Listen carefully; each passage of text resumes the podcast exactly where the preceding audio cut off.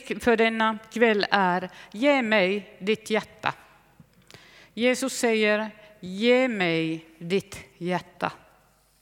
I Romarbrevets första elva kapitlen skriver Paulus om teologiska frågor. Han skriver om Guds vrede och dom över synden. Han skriver om Guds oerhört djupa och breda nåd och kärlek för människan. Han skriver om hur den syndande människan kan fly syndens konsekvenser till Guds famn genom att ångra och be om förlåtelse, omvända sig från sin bortvändhet från Gud. Paulus skriver om judarna, oss hedningar, vår historia, vår gemensamma framtid. Teologiska frågor först. Ordningen är viktig. Vår position i Kristus är viktig grund att stå på. Och sen i kapitel 12 kommer tillämpningen, praktiken, hur praktisera. Men innan han börjar, när han har skrivit allt det där och mycket mer om teologi och det som han ser eh, på sin, från sin utsiktsplats, så, och, och, och när han ser den stora helheten, ser Gud förbarma sig och vilja hjälpa människor, brister Paulus till en lovprisning till Gud.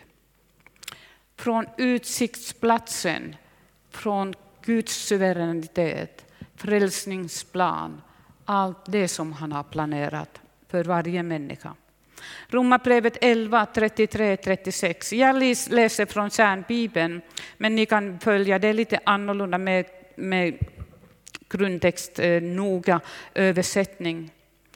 Och vilket djup av rikedom, överflöd och vishet och kunskap hos Gud. Hur ogrundliga, outgrundliga, omöjliga att teoretiskt förstå är inte hans domar och beslut och hur outrannsakliga, omöjliga att spåra är hans vägar och metoder.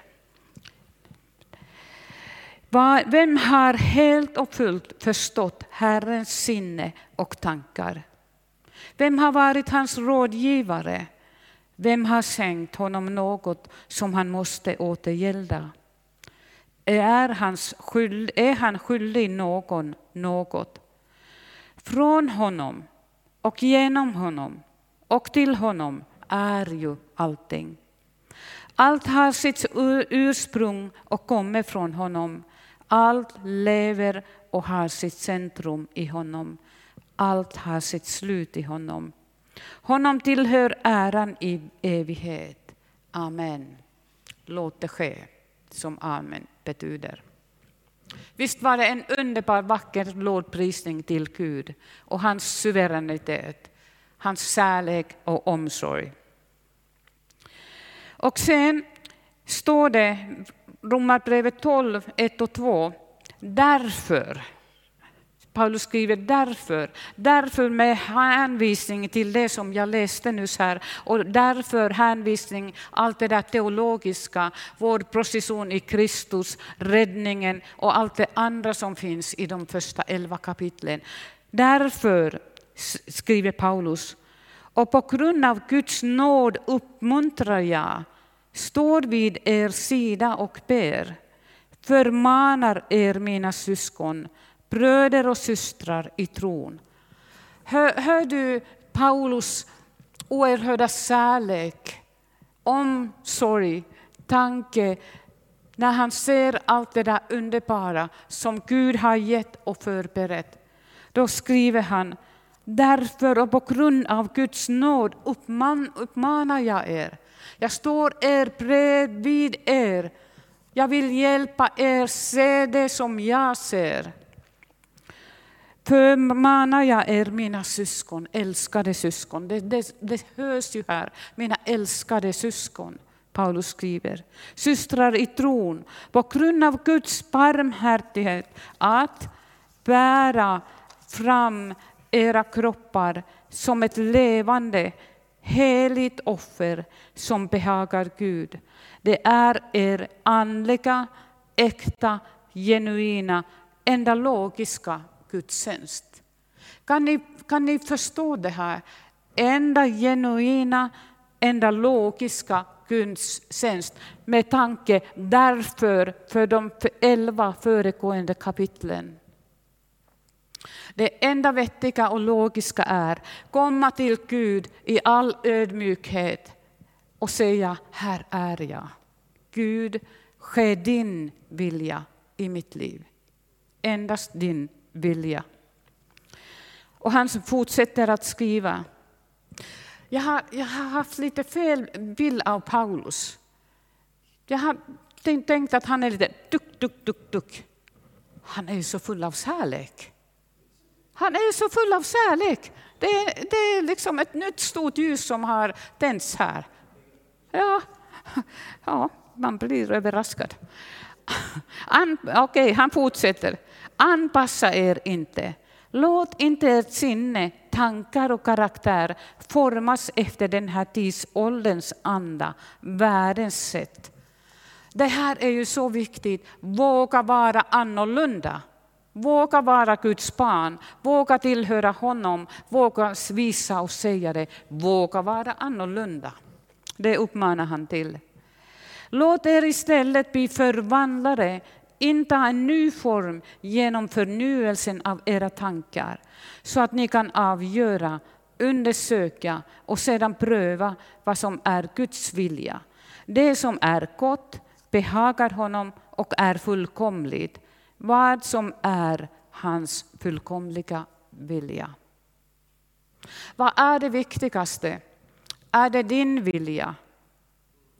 Eller Gud allsmäktige, alltings skapare, han som jag läste om här tidigare, han som har skapat allt, som håller allt i sin hand, som har framtiden för oss. Ett underbart mål, himmelen, nya, ny jord och nya himlar väntar vi på. Behaga honom. Guds barn, de har ju, de, de har ju gått från mörkrets välde till ljusets rike. Guds rike är där sanning, nåd, omsorg och kärlek råder. Det är helt gentemot det mörka, det onda, den ondens eh, härskning i världen där han leder människor tyvärr till många olyckliga, svåra, svåra saker, krig och elände. Och eh, förvandlas, det här grekiska ordet som jag bara säger så som det står, jag vet inte hur man uttalar det, men metamorpo används, används här om förvandling. Och detta ord användes, denna förvandling, används samma ord som när Jesus stod på berget och han mötte, eh, mötte med Elia och Mose. Hans yttre förvandlades, han blev, oh, han blev så underbart vit och lysande. Hans gestalt var från en annan värld en härlighet, underbar vit varelse, Jesus Kristus. Och detta ord eh, används här också om vår förvandling. Tänk att du och jag, vi har varit i mörkrets rike innan vi blev Guds barn. När vi stiger till av Guds nåd och brukar Jesu försoning till Guds rike, då förvandlas vi till någonting alldeles underbart. Guds barn som är heliga och rena i, eh, i Guds ögon, för han ser oss i Kristus. Och den här förvandlingen, det är samma som en fjäril från en larv och pumpa blir en vacker underbar fjäril. En, en, ibland en, det är en smärtsam och lång process för en fjäril, blir från en larv och pumpa och en underbar vacker fjäril. Det är vår helgelse att bli mer och mer lik Jesus som är målet också. Vi är heliga på en gång när vi blir frälsta, men helgelse att vi mer och mer förvandlas till Eh, så som blir lik med Jesus, den är längre process. Och först i himmelen är vi fjärilar. Ja. Men där är vi det. Och vackra och underbara är vi då. Och vi uppmanas i den här texten, låt er att bli förvandlade.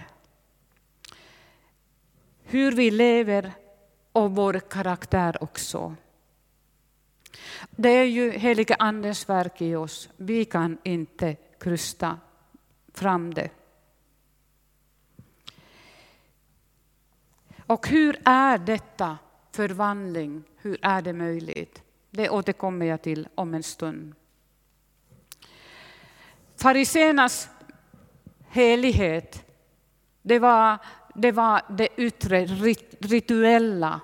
De höll regler, eh, de hade sina egna regler. Gud hade gett en sabbat till människor, att människorna efter sex dagar kunde ta en vila, en sabbat och få nya krafter för eh, nästa dags arbete. Men fariséerna som eh, tyckte sig att de var så heliga och så helgade, de hade nya och nya lagar hur man skulle fira sabbat till exempel. Man, vad man inte fick göra, hur långt man fick gå. Och Jesus till och med sa till dem, Gud har gjort sabbaten för människan, inte människan för sabbaten. Så den här förvandlingen, det ska vara en inre förvandling, inte det yttre. För fariséerna var ära från människor, makt och pengar viktigare. De ville inte känna igen eller eh, erkänna Jesus som Messias. Jesus är ju eller helgelse är ett av de allra viktigaste nytestamentliga begrepp med rättfärdighet och pånyttfödelse. Och Jesus, en, en prototyp av en helig, hundraprocentig människa så som Gud hade tänkt en människa, visade oss vad helgelse är. Och helgelse är ju lika med tillhör Gud. En behelgad människa tillhör Gud. Och Jesus visade med sitt liv hur man gör så som Paulus skrev här, att, att han uppmanar att bära fram era kroppar som levande heligt offer som behagar Gud. Jesus Kristus med sitt liv visade hur det är att vara ett helgat person. Lyda Gud med hela sitt liv. Och det viktiga också är att Jesus Kristus, när han gick här, så visade han med allt det där som han gjorde, allt det där han sade. Han visade Guds enorma omsorg och kärlek för människan. För att det är Jesus Kristus, Gud var i Jesus Kristus genom den helige Ande. I Jesus Kristus försonade han sig med världen. Och Genom Jesus Kristus visade Gud hans kärlek för varje människa. För hela världen. Nu ska jag... Och två viktiga ord i Nya Testamentet är tjänst för nästa, diakonia. För syskon i församlingen och genom evangeliet för hela världen. Här är det Guds hjärta. Här är det så mycket Guds hjärta som det kan bli, som bara slår genom diakonia. Och sen kärlek, agape-kärlek.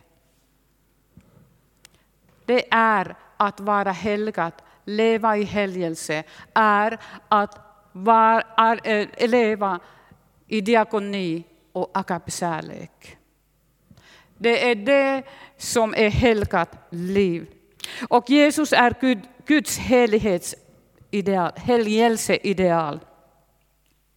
Han visar oss vad rätt gudstjänst är. Att tillhöra Gud. Rätt gudstjänst är inte att vi sitter söndag efter söndag här och lär oss mer, lär oss mer, lär oss mer. Det är jätteviktigt och jag älskar församlingen och vi ska lära oss mer, vi ska komma tillsammans och uppmuntra varandra och besena varandra i församlingen. Men samtidigt diakoni inom och i församlingen för våra kära syskon och genom evangeliet för Eskilstuna med omnejd. Sann helgelse är att ha samma sinnetanke som Jesus i vardagen.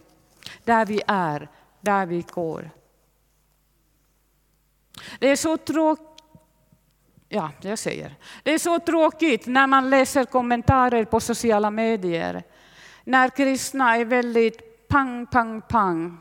Så här, åsikter, åsikter. Och det är sanningar också.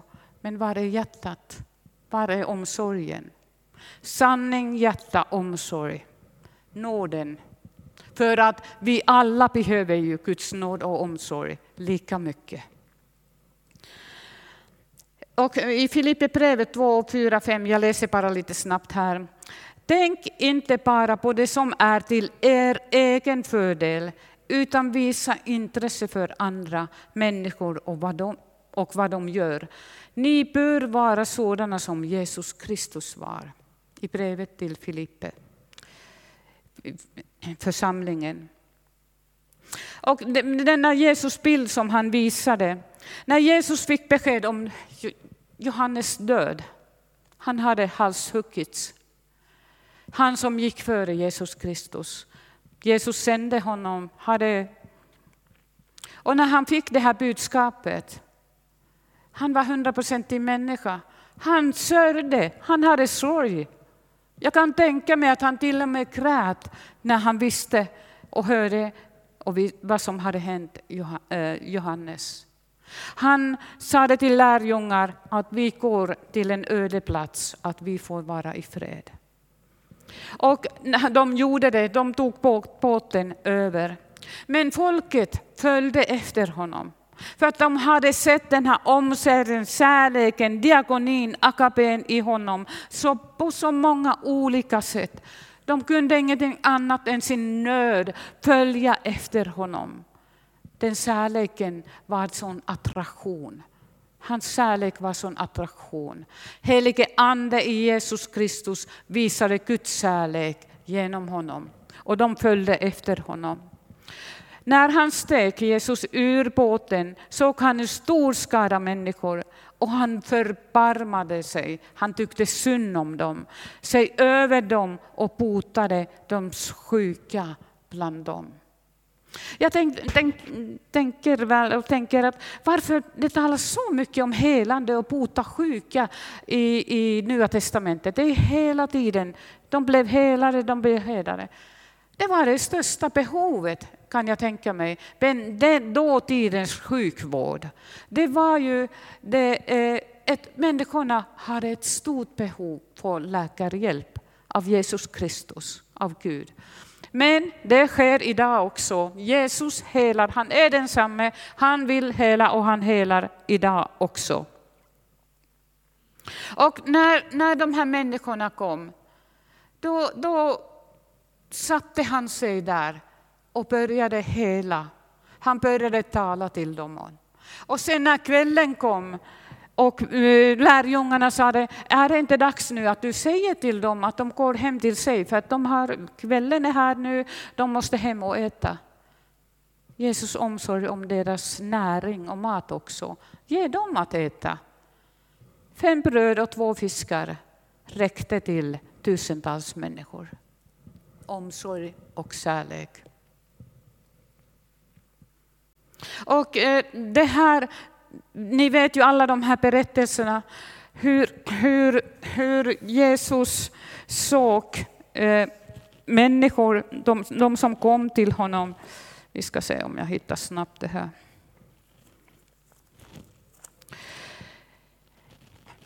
Jesus gick omkring i alla städerna och byarna och han undervisade i deras synagogor och förkunnade evangeliet om riket och botade alla slags sjukdomar och krämpor. När han såg folkskarorna förbarmade han sig över dem, för de var härjade och hjälplösa som får utan hede. Han såg allt det där lidande, hjälplösheten. Vi många har varit i situationer där det, vi har bara gråtit och känt oss hjälplösa. Och hur ska det här gå? Det var tusentals människor framför Jesus och han var för dem. I honom visade Gud sin kärlek för människorna. Och vi vet den här berättelsen, Johannes evangeliet 13, när hur Jesus ger en bild. Du kan visa texten. 13 och, eh, 13 och framåt. När, när de hade samlats och skulle äta så tog vår käre Jesus av sina mantlar. Han hade bara en tunika kvar, som en senare eller som en slav.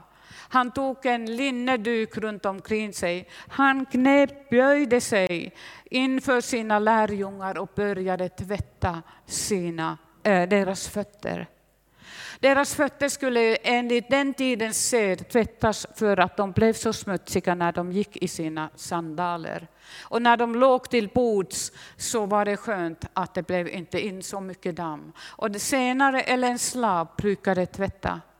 Och Jesus sa det till sina lärjungar, jag visar för er hur ni ska hjälpa människor. Inte bara tvätta fötter, men på alla andra sätt att ni är till hjälp för er nästa. För han sa det också, senare kan inte vara större än sin Herre. Och Jesus Kristus är vår Herre, eller hur? Han är vår Herre. Och då kan vi inte höja oss och säga, jag behöver inte tjäna.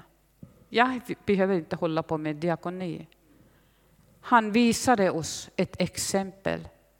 Och det är så på många sätt hur vi kan visa diakoni, omsorg och hjälpa våra medmänniskor. Våra älskade, älskade syskon i församlingen. Det behövs där också. Så mycket kärlek och omsorg att alla blir sedda, alla blir hörda, alla blir hjälpta. När vi alla hjälps åt. Och är det inte så alltid att givande, givarens glädje är större? Och hur kan det här vara möjligt? Bara snabbt avslut här, för att jag tror att...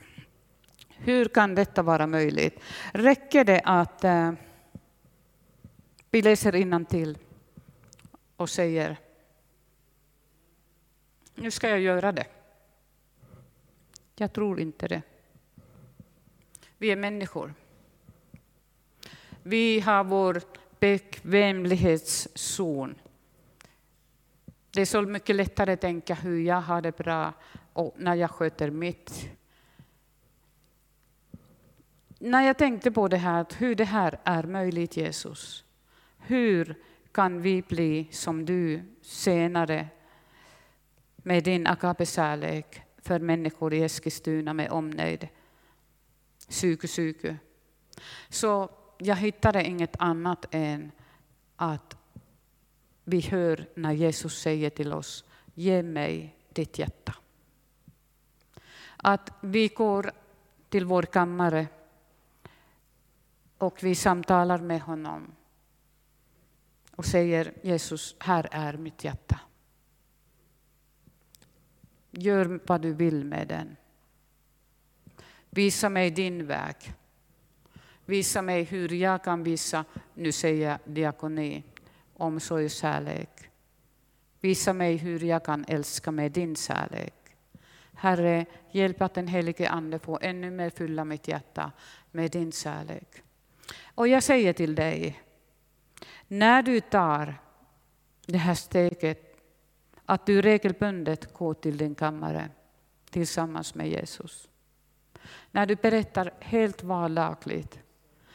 Lärjungarna hade inga högtidliga böner.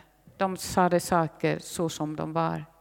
När du i din kammare, du och Jesus, berättar för honom hur det är. När du gråter när, där, när smärtan är för hög. Och när du berättar om glädjen.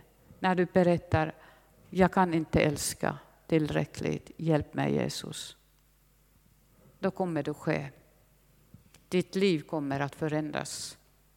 Du kommer att ske underbara ting och saker. Halleluja. Jag är så här. När Helige ande vidrör mig. När jag fylldes Helige ande, det första sak var att jag började skratta. Och sen kom tungotalet. Nu, nu vill jag bara skratta. Jag lovar att i Jesu Kristi namn, ditt liv blir förändrat när du går till din kammare och umgås där med Jesus. Det kommer att ske underbara saker. Tack Herre Jesus. Nu har jag, nu har jag sagt det som jag fick i mitt hjärta. Och Herre, jag har lovat nu till oss alla att när vi går in i vår kammare tillsammans med dig så våra liv förändras. Tack att du gör jobbet Jesus. Amen.